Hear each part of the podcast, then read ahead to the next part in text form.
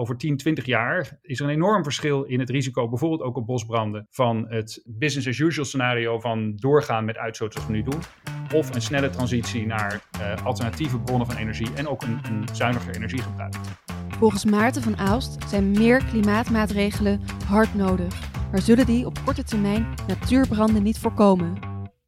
Maarten van Aalst is directeur van het Internationale Rode Kruis Klimaatcentrum en hoogleraar Klimaat en Rampen aan de Universiteit Twente. Dit is een podcast van ANP Expert Support. Deze dienst staat los van de ANP-redactie. Luna van der Waarde spreekt vandaag deze expert naar aanleiding van dit ANP-nieuwsbericht. En natuurbranden hebben dit jaar een record CO2-uitstoot veroorzaakt, blijkt uit Europees onderzoek. Volgens experts is klimaatverandering de oorzaak en komen er in de toekomst alleen maar meer branden.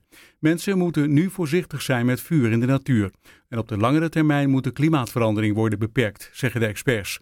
Ik spreek met Maarten van Aalst, hoogleraar Klimaat en Rampen en directeur van het Internationale Rode Kruis Klimaatcentrum. Volgens experts is klimaatverandering de oorzaak van natuurbranden, maar ze ontstaan ook door menselijk handelen. Hoe wordt dat onderscheid gemaakt? Ja, allereerst, uh, een ramp komt nooit alleen maar door klimaatverandering, maar klimaatverandering kan het risico erop vergroten. In het geval van bosbranden wordt het uh, over het algemeen in de wereld heter en de regenvalpatronen veranderen ook. En vaak zowel intense regenvallen als ook langere periodes van droogte. En dan kunnen de condities beter zijn voor bosbranden. En vervolgens worden die bosbranden door allerlei oorzaken gestart. Dus dat kan zijn blikseminslag, dus natuurlijke oorzaken.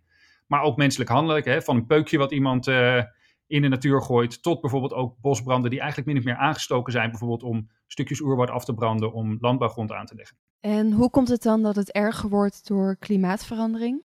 Nou, dat komt dus omdat de, de hele aarde warmt op. Hè. Daarmee veranderen ook weerpatronen. Dus het wordt eigenlijk overal warmer. Dat maakt vaak dat die bosbranden sneller kunnen ontstaan. Maar er komen dus ook veranderingen in de regenvalpatronen. En als het dus ergens door die veranderingen droger wordt, dan ontstaan daar, daardoor de omstandigheden waarin die bosbranden sneller kunnen, kunnen aangaan. En ook als ze eenmaal aan zijn, sneller kunnen uitbreiden en uh, lastiger te blussen zijn. Ja, en ik kan me ook wel voorstellen dat uh, met al die CO2-uitstoot die uh, die branden veroorzaken, dat de bosbranden niet alleen maar ontstaan door een opgewarmde aarde, maar ook weer een verder opgewarmde aarde veroorzaken. Ja, dat was dus een beetje de schrik van het onderzoek wat nu net uitgekomen is. Hè. Dus wetenschappers hebben, hebben laten zien dat de uitstoot vorig jaar ten eerste recordhoogte bereikt heeft maar bovendien echt heel significant wordt ten opzichte van de totale menselijke uitstoot van die broeikasgassen die die opwarming veroorzaken. Dus vorig jaar een beetje orde van grootte van twee keer de uitstoot van het hele land Duitsland.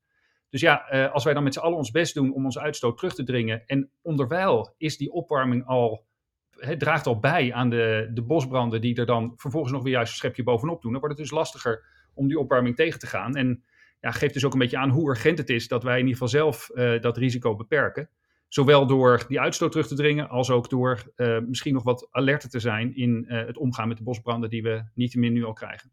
Ja, want de uh, natuurbranden die waren er afgelopen jaar wereldwijd. onder meer in Noord-Amerika en Azië, maar zelfs ook in Europa.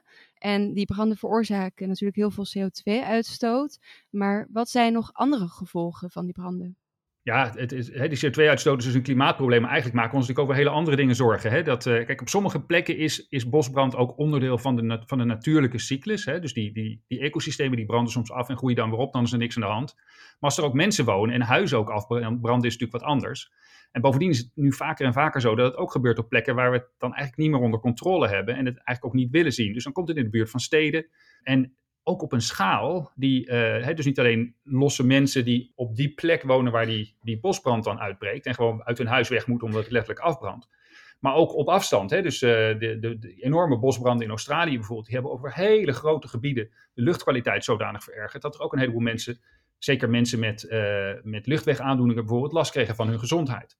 Dus je ziet soms echt, nou, de, de bosbranden in Californië op een gegeven moment merkten bijvoorbeeld aan de luchtkwaliteit in Europa. En lopen we in Nederland ook gevaar? Op kleinere schaal wel. Hè? Dus ook het risico op bosbranden is als het droog en heet is hier ook groter. Maar goed, we hebben natuurlijk geen enorme, onbeperkte, uitgebreide stukken bos uh, waar, het, waar heel snel enorm uit de hand loopt. We hebben het al wel een paar keer gezien hoor, dat er grote bosbranden hier waren. Maar niettemin in Nederland is niet zo dat dat, dat meteen, ook omdat we zo dicht bevolkt zijn en zo, zo dicht erop zitten, dat hebben we dan in ieder geval vrij snel wel weer in de klauwen. En er zitten ook heel vaak nadat er een, hè, misschien op wereldschaal, mini, maar voor ons natuurlijk nog steeds belangrijk stukje bos is afgebrand, komt er al wel snel ergens een, een barrière waardoor dat vuur niet meer verder kan. Dus op, op kleine schaal is dat een enorm effect voor Nederland, maar op, op, op grotere schaal draagt dat veel minder bij. Ehm, waar we ook wel last van kunnen krijgen, is als er op andere plekken dingen gebeuren. En dat kan zijn als we ergens op vakantie zijn waar die bosbranden plaatsvinden. De Middellandse Zee werd natuurlijk ook heel hard geraakt uh, de afgelopen zomer. Maar uh, we kunnen bijvoorbeeld ook last krijgen van andere plekken waar bijvoorbeeld voedsel geproduceerd wordt of fabrieken geraakt worden. En uh, dat effect merken we ze nu dan ook al, soms door bosbranden, maar ook door andere weersextremen over de hele wereld. Waar we dus dan niet rechtstreeks geraakt worden door het extreme weer, maar indirect via onze afhankelijkheid van andere landen nog steeds enorm last kunnen hebben. Ja, dus als ik het goed begrijp, dan hoeven we ons in Nederland niet heel veel zorgen te maken om uh, bosbranden hier. Maar kunnen de gevolgen van de bosbranden op andere plekken wel de Nederlandse economie schaden eigenlijk. Ja, nou ook in Nederland moeten we wel opletten, hè, want het, wordt hier natuurlijk ook. Hè, we hebben hier ook vaker drogere zomers, langer, heter. Uh, en ook daar neemt dan het, het, risico bosbranden wel een beetje toe. Maar dat zal niet worden van, uh, van de omvang zoals je die, die bosbranden vorig jaar zag in Californië of Australië. Nee, en de aarde warmt alleen maar verder op. Uh, dus de kans op natuurbranden of bosbranden uh, wordt alleen maar groter.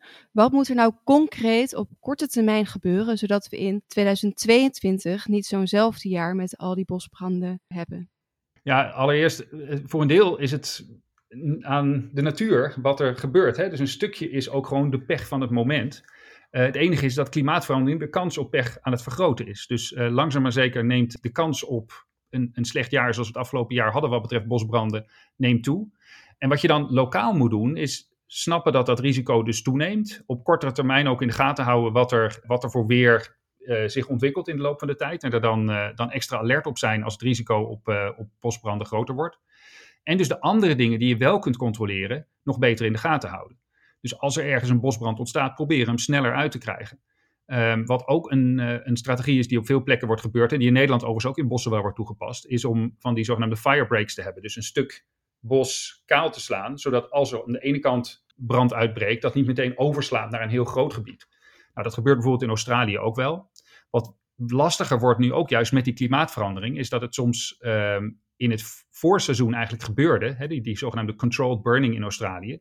Dus dat je stukken land afbrandt om op die manier te beperken hoe het vuur zich in de zomer kan uitbreiden als het echt heet en droog is.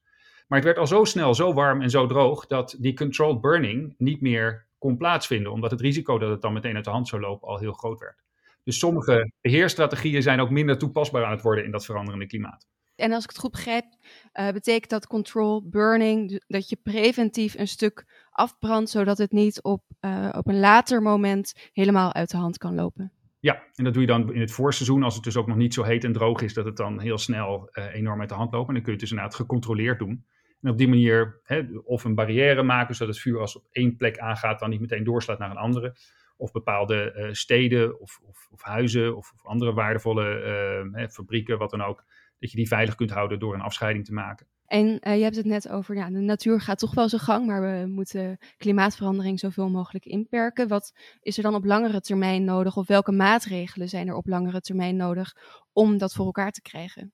Ja, dat is het, inderdaad voor de langere termijn. Hè? Want het, het, weer voor volgend jaar, daar zit natuurlijk een zekere grilligheid in van nature. Maar wat we aan klimaatverandering om ons heen krijgen, is eigenlijk ingebakken met de uitstoot van de afgelopen decennia. Want die broeikasgassen blijven best wel lang in de atmosfeer zitten. Dus eigenlijk hebben we met wat we nu aan uitstoot beperken, hebben we op volgend jaar hebben we weinig invloed meer. Maar we hebben nog wel een heleboel invloed op hoe dat zich in de komende decennia verder ontwikkelt. Nou, daar ging bijvoorbeeld die top in Glasgow ook over. Hè? Als we heel snel onze uitstoot weten terug te brengen, dan kunnen we die totale temperatuurstijging beperkt houden tot maximaal zo'n anderhalve graden sinds uh, de industriële revolutie. Dat is een soort grens waarvan wetenschappers hebben gezegd, als we daar overheen gaan, dan loopt het nog veel verder uit de hand. Dan, om dat te doen, moeten we heel snel onze uitstoot naar beneden brengen. En nogmaals, dat heeft dus niet zo heel veel effect op de risico's volgend jaar of het jaar daarna. Maar uh, over 10, 20 jaar is er een enorm verschil in het risico, bijvoorbeeld ook op bosbranden, van het business as usual scenario van doorgaan met uitstoot zoals we nu doen. Of een snelle transitie naar uh, alternatieve bronnen van energie en ook een, een zuiniger energiegebruik. En wat doe jij in je werk in strijd tegen klimaatverandering? Nou, ik ben directeur van een uh, reference center van het Internationale Rode Kruis. Uh, en daarnaast ook uh, hoogleraar aan de Universiteit Twente, waar we eigenlijk proberen die brug te slaan tussen de kennis over klimaatverandering en het omgaan met die veranderende risico's. En dat zijn aan de ene kant bosbranden, Maar dat zijn ook toenemende overstromingen, stormen die intenser worden, hittegolven, heel belangrijk. Overigens ook in Nederland, hè, een van de dodelijkste rampen. dat realiseert bijna niemand zich, maar honderden doden bij de hittegolf vorig jaar in Nederland bijvoorbeeld. Dus um, ja, we proberen gewoon die kennis beter toe te passen om dan beter met die gevolgen om te kunnen gaan. En in het algemeen vooral ook daar ons op voor te bereiden en die risico's te verminderen voor het te laat is. En niet alleen maar wat het Rode Kruis klassiek gesproken natuurlijk doet, reageren na de ramp en mensen dan uh, te hulp schieten. Want we weten dat dat uh, ja, nog steeds met een heleboel lijden gepaard gaat. En bovendien op een gegeven moment qua kosten uit de hand gaat lopen. Dus het is effectiever en efficiënter om je voor te bereiden. En daarnaast uh, probeer ik dan met die kennis die we hebben over hoezeer het mensen nu al raakt, mensen er ook van te overtuigen dat we het probleem niet nog verder uit de hand moeten laten lopen.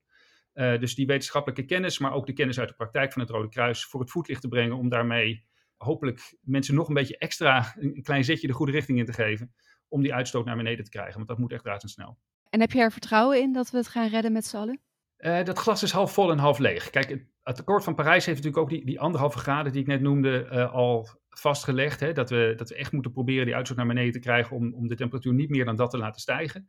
Nou, eigenlijk hebben we een grote transitie gezien. Hè, dus het gaat echt langzamer met die uitstoot dan, uh, dan daarvoor. Maar het gaat niet hard genoeg naar beneden. Dus als we nog doorgaan zoals we nu zijn, dan, dan, gaat het dus, hè, dan gaan we wel naar die 2,5, 3 graden temperatuurstijging, die dus met een enorme toename in allerlei soorten risico's gepaard gaat we hebben aan de andere kant ook een heleboel oplossingen nu zien ontstaan waarvan we eerder niet konden vermoeden hoe snel dat zou gaan. Hè? Dus uh, zonnepanelen bijvoorbeeld, die je nu op heel veel daken in Nederland ziet. Ja, dat is gewoon, uh, je bent bijna een dief van je portemonnee als je dat niet doet. En zo zie je dus, elektrische auto's is veel harder gegaan dan mensen eerst gedacht hadden. Dus er zijn ook wel een heleboel oplossingen in de maak. En uh, ja, uiteindelijk ben ik een optimist en geloof ik ook wel in de menselijke inventiviteit. Maar dan moeten we die inventiviteit ook wel echt nu met, met alle ambitie die we hebben op die oplossingen gaan richten. Ja, op naar een betere toekomst. Uh, Maarten van Aals, dankjewel. Graag gedaan. Deze en andere experts staan in de database van ANP Expert Support. Ga voor meer informatie naar anp.nl/slash expertcast. Dit is een podcast van ANP Expert Support. Deze dienst staat los van de ANP-redactie